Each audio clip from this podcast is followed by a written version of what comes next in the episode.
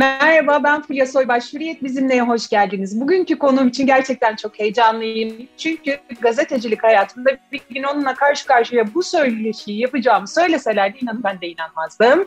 Bugünkü konuğum Hürriyet yazarı Güzin abla Feyza Algan. Hoş geldiniz efendim. Hoş bulduk efendim. Siz nasılsınız? İyiyim, iyiyim. Çok mersi. Heyecanlıyım söylediğim gibi. Ee, ben, de, şimdi, ben de heyecanlıyım.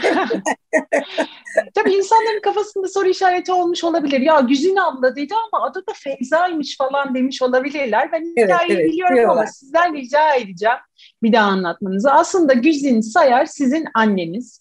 Kendisini evet. rahmetle bir kez daha buradan analım. Çok ee, birkaç zaman önce vefat etti. Sağ olun, Allah rahmet ee, eylesin. Ee, peki Güzin Sayar kimdir? Feyza Algan kimdir? Hepsine sırayla geçeceğim ama bu Güzin abla nereden doğdu, nasıl markalaştı? Gerçekten evet. Güzin Sayar kimdir? Öncelikle onu sarayım size. Onu anlatayım. Yani belki biraz ayrıntılı anlatacağım ama kusura bakmayın. Annemin e, ilginç bir hayatı var. Ee, annem e, çok iyi bir ailenin kızıydı. Erenköy'de bir köşkte dünyaya geldi.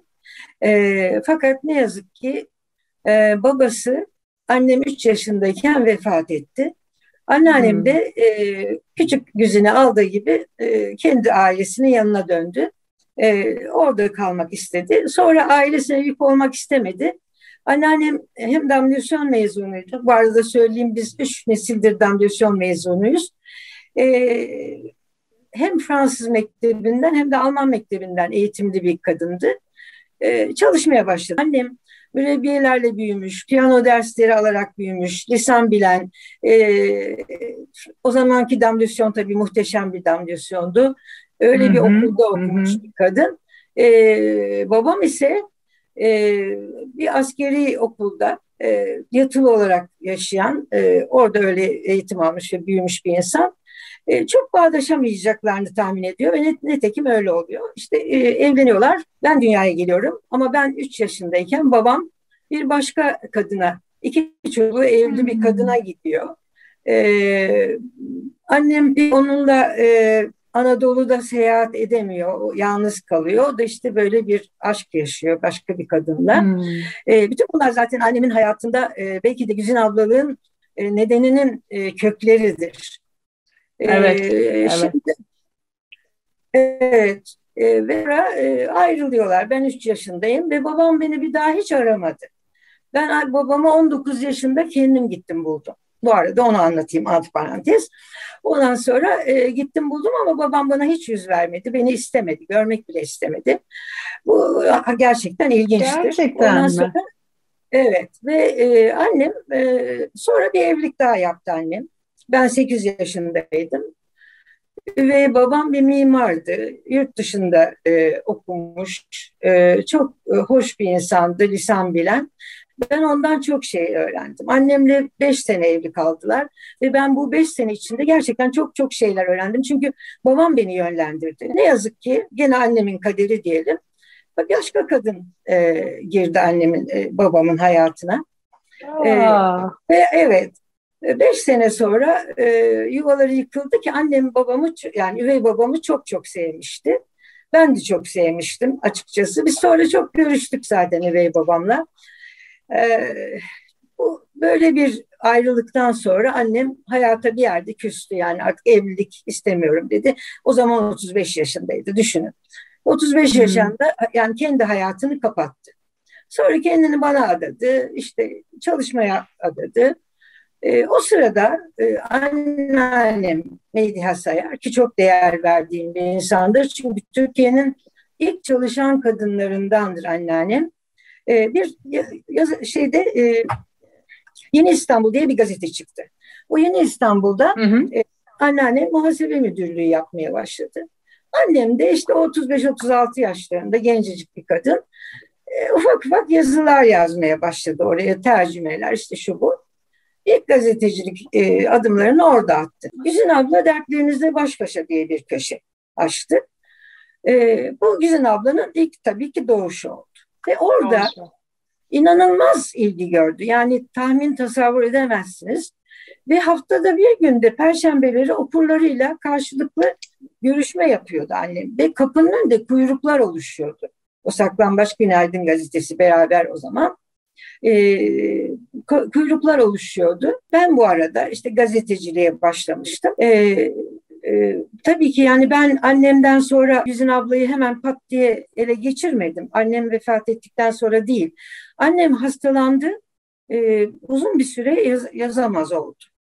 Ben bir, bir süre böyle gizli kapaklı yazmaya devam ettim annemin yazılarını. Ya çok güzel bir şey ee, söylediniz aslında. Araya gireceğim ama yani insanlar hani buyurun, Güzin ablanın köşesini e, kızı almış dedikleri zaman sanki böyle hani siz evde hakikaten örgü örüyor musunuz hiçbir şey yapmamışsınız da ya da pazarda yani manavda bir şey satıyorsunuz evet, da gibi evet, algılanıyor. Aynen, siz gazetecisiniz aynen. öyle ben değil mi? Önce, önce şey olarak başladım bir e, bir ansiklopedide e, editör yardımcısı olarak başladım. Sonra gazeteye geçtim. E, Burhan Feri'nin e, sekreterliğini yaptım Milliyet Gazetesi'nde. Aynı zamanda da Hı-hı. magazin yapıyordum. E, sonra Hürriyet'e geçtim. Hürriyet Kelebek'te yine yıllar önce e, o zaman Şadan Hanım vardı.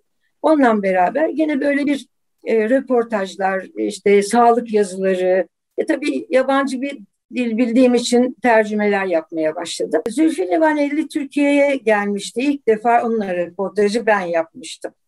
Aa, Tabii bu, gazet, bu gazetecilik hayatımdan bir takım anılar. E, fakat sonra işte emekli oldum. 50 yaşındaydım yani o zaman daha çok gençtim ama emekli olmak zorunda kaldım. Ayağımı kırdım falan bir şeyler oldu. Neyse orası uzun hikaye. E, emekli olduktan sonra çeşitli gazetelere yazılar yazmaya başladım. Fakat bu arada annem rahatsızlanmaya başladı. Hı hı. Baktım yazamıyor. Yani e, zorlanıyor.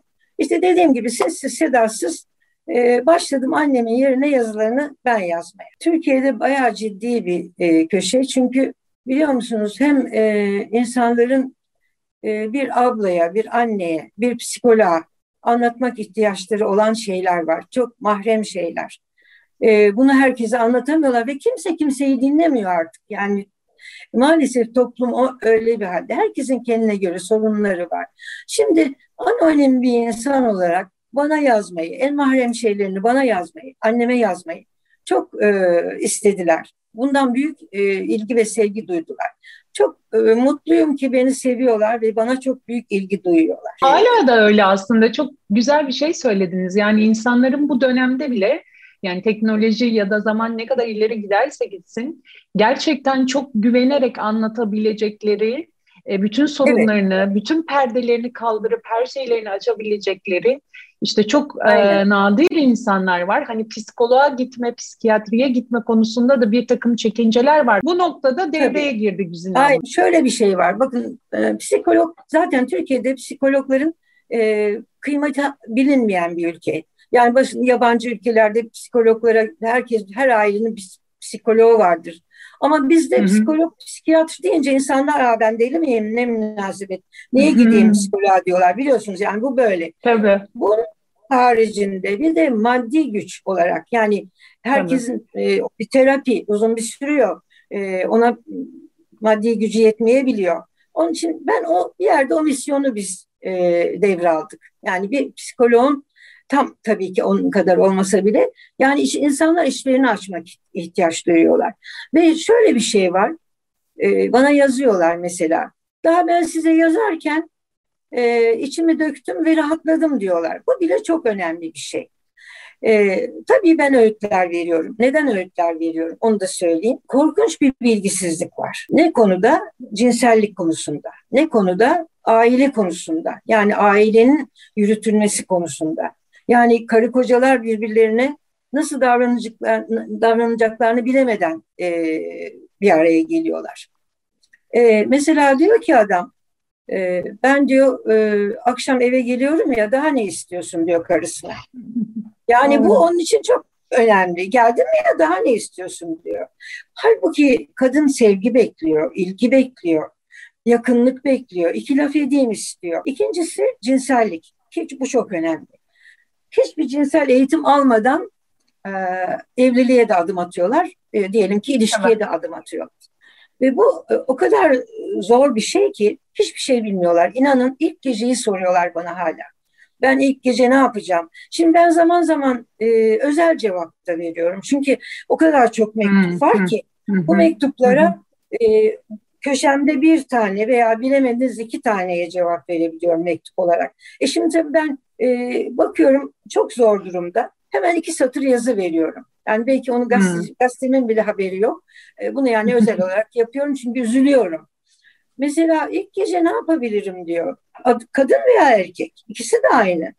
E, bunlar hep cinsel eğitimsizliğin nedeni. Çünkü e, ben demiyorum ilkokulda ama ortaokul veya en azından lisede biraz cinsel eğitim olması lazım. Kadınlar e, cinsel organlarını tanımıyorlar, erkekler bilmiyorlar. Yani e, bir kadına nasıl davranacağını bilmiyorlar. Kadın bilmiyor. Yani bu çok çok önemli. Sorunların kaynağı da zaten oradan başlıyor ve devam ediyor. O zaman evet, o noktada şey için... diyebilir miyiz? Sizin köşeniz sadece dert dinleme köşesi değil. Aslında bir noktada da eğitim köşesi. Biraz, birazcık yani olsun tabii kendi çapımda. Biraz birikimimden, aile birikimim, eğitim birikimim, yıllarımın verdiği getire, getirenin sonunda ben bu köşeyi 20 yıldır ben sürdürüyorum. Yani toplam 50 yıl oldu. Yarım asır açtık yani. Annem. yani çok ilginç. Evet. Şimdi ya e, gerçekten çok ilginç. Gerçekten Allah korusun diyerek soracağım ama yani öbür gün e, kızınız var mı bilmiyorum ama var mı? Vasiyet eder misiniz öyle bir şey? Hani devam eder Şimdi, mi? Ben annem şey, anneden kıza. Hayır. Ben annem gibi e, vasiyet etmeyi düşünmüyorum. Ama kızım pek fazla hevesli görünmese de belki ben öldükten sonra böyle bir şey devam ettirmek isteyebilir. Ortama göre. Fakat torunumdan çok ümitliyim. Harika. Evet, torunum müthiş bir kız 17 yaşında. İnanılmaz böyle e, zeki, pırıl pırıl şimdiki gençlerin böyle o can, cap canlı bir insan. Yan yana yazarken o bana bazen katkıda bulunur filan gençleri çok iyi tanıdığı için. E, bir de zaten Güzin abla. E, harika. Güzin abla ismi patentli biliyor musunuz? O benim üzerime, daha önce annemin üzerineydi. Sonra benim üzerime. Yani bu Güzin ablayı zaten bizden başka kimse kullanamaz. Bilmiyorum tabii benden sonra ne olur. Eğer bu okur bu köşeye her açıdan böyle bu kadar e, duygularını, mahremiyetini dile getirecek kadar güveniyorsa benim de o konuyu çok büyük bir sorumlulukla taşımam lazım. Bunun için tabii elimden geleni yapmaya çalışıyorum. Yalnız şöyle bir şey var. Toplumda iki kesim var.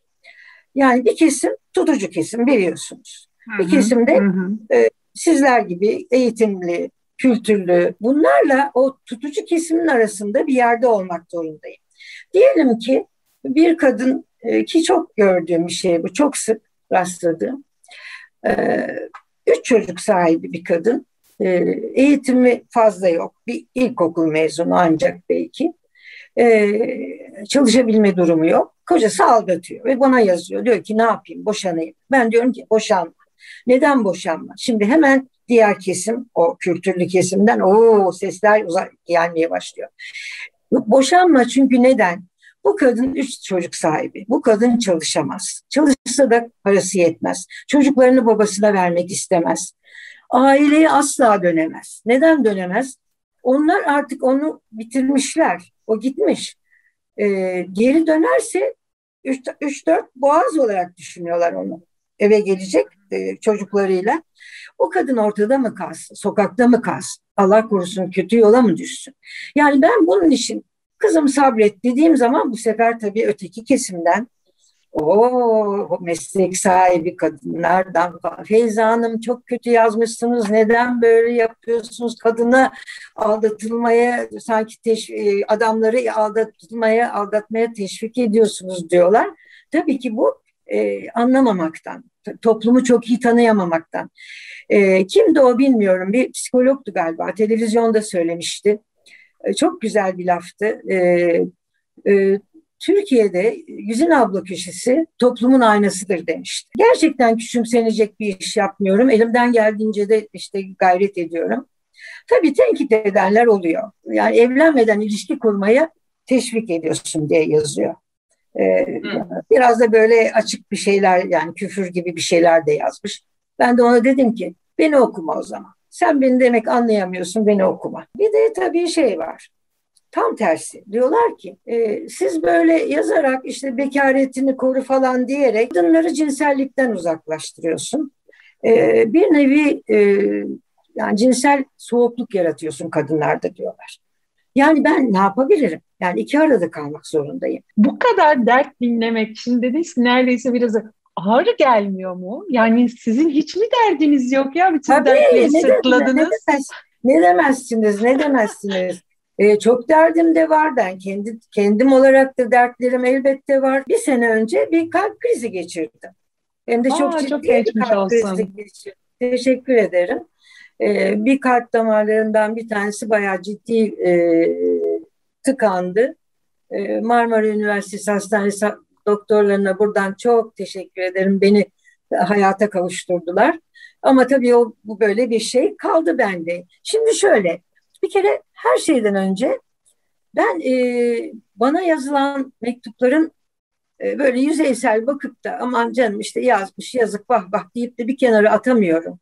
Yani biz zaten ailece e, bu yapıda insanlarız biliyor musunuz? Şimdi mesela öyle sorunlar oluyor ki e, düşünmek zorundayım. Onun üzerinde düşünüyorum, dertleniyorum. Akşam uykularım kaçıyor. Ay Allah ne yapsam diyorum. Yani böyle bir durumda oluyor. Bunlar benim mesleğimle ilgili sorunlarım. E bir de genel olarak bu kadınların her gün bir kadınla öldürülmesi. Ben bir torun, Hı-hı. kız torun sahibiyim, Doğru. bir kız evlat sahibiyim. Onların gelecekleri ilgi için çok endişeleniyorum. Şimdi torunum bana gelse 17 yaşında bu normal. Anneanne ben birisini seviyorum işte ben ondan arkadaşlık ediyorum. Hemen tüylerim diken diken olacak biliyorum. Yani ilk reaksiyonum acaba kim? Nasıl biri? Yani kızı torunumu döver Doğru. mi? Nasıl şiddet? Yani şimdi artık bu var yani bizim çağımızda böyle bir şey yoktu. Bir yandan da hayvanları çok üzülüyorum. Hı hı. Yani bu vicdansızlık biliyor musunuz? Bu merhametsizlik insanlara varsa e, hayvanlara da var. Hayvanlara varsa insanlara da var. Ben istiyorum ki hayvanlara bir yasa çıkarılsın. Bunu ilk sevgili Ömür Gedik de dile getirdi. Ben de köşemde evet. sık sık dile getiriyorum. E, bu yasa, bu yasa insanlara gibi yani insanlara olduğu gibi olsun hapis cezası getirirsin. Yani hayvanlara tecavüz ediliyor, yaralanıyor. Keyif için hayvanı vuruyor adam. Aslında en başında söylediniz yani annenizin de zor bir hayat nispeten ilişkiler bakımından olmuş diyelim. Oldu. Zor evet, hayattan çok, kastım bu. Şimdi Tabii. cevaplarınızı verirken mesela gelen sorulara bu hani kendi hayatınıza dönüp bir bakıp besleniyor musunuz oradan? Yani Tabii. işte benim başıma bu gelmişti, böyle olmuştu. Sonuçta hani Tabii. 19 yaşına kadar babanızı görmemişsiniz. Öz babanızı ve evet. babanızda da sonuçta bir noktada e, yollar ayrılmış falan. Böyle sorunlara, meselelere hem kendi açınızdan hem de çevreniz açınızdan bakıp ben ne yaşamıştım diye düşünüp ona göre mi cevap veriyorsunuz? Biraz onları yapıyorum. Hatta arada babamı yazıyorum böyle araya sıkıştırıyorum. Ben de benim babam da böyleydi. Benim babam da beni hiç aramadı. Filan arada babam vaka rahmetli oldu. Allah rahmet eylesin gene Allah de. Rahmet eylesin. Ama biraz mezarında oynuyordur arada bir.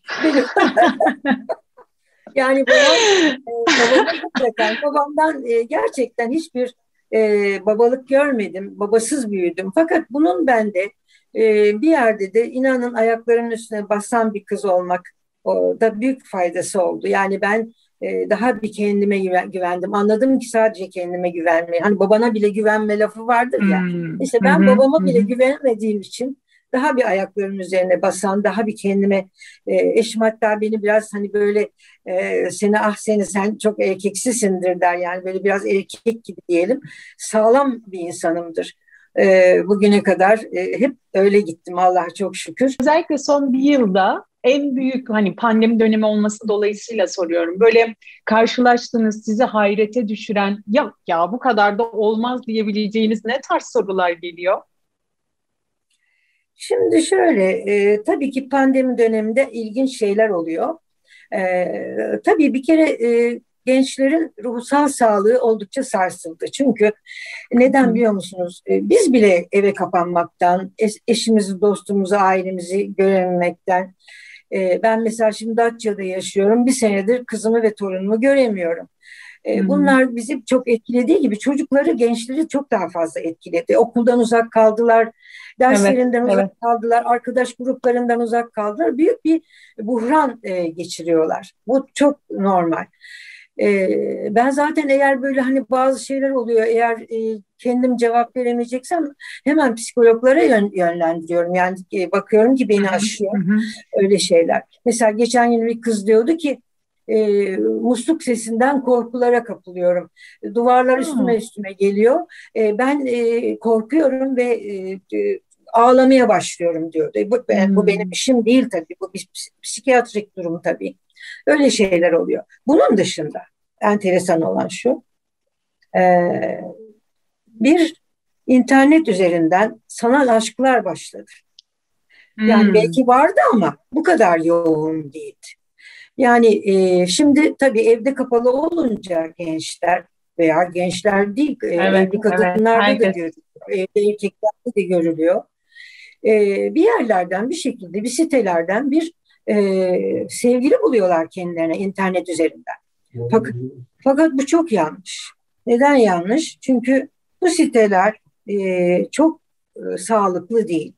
Bu insanların kimi evli, kimi çoluk çocuk, e, kimi mesela şey e, erkek kendini kadın gibi gösteriyor. Kadın veya kendini erkek gibi gösteriyor. Zengin. Evli, zengin gösteriyor. Yani her türlü yalan yanlış var bu işlerde. E ben bundan çok endişe duyuyorum. Çünkü bizim kızlar hemen aşığız o, aşığız demeye başlıyor.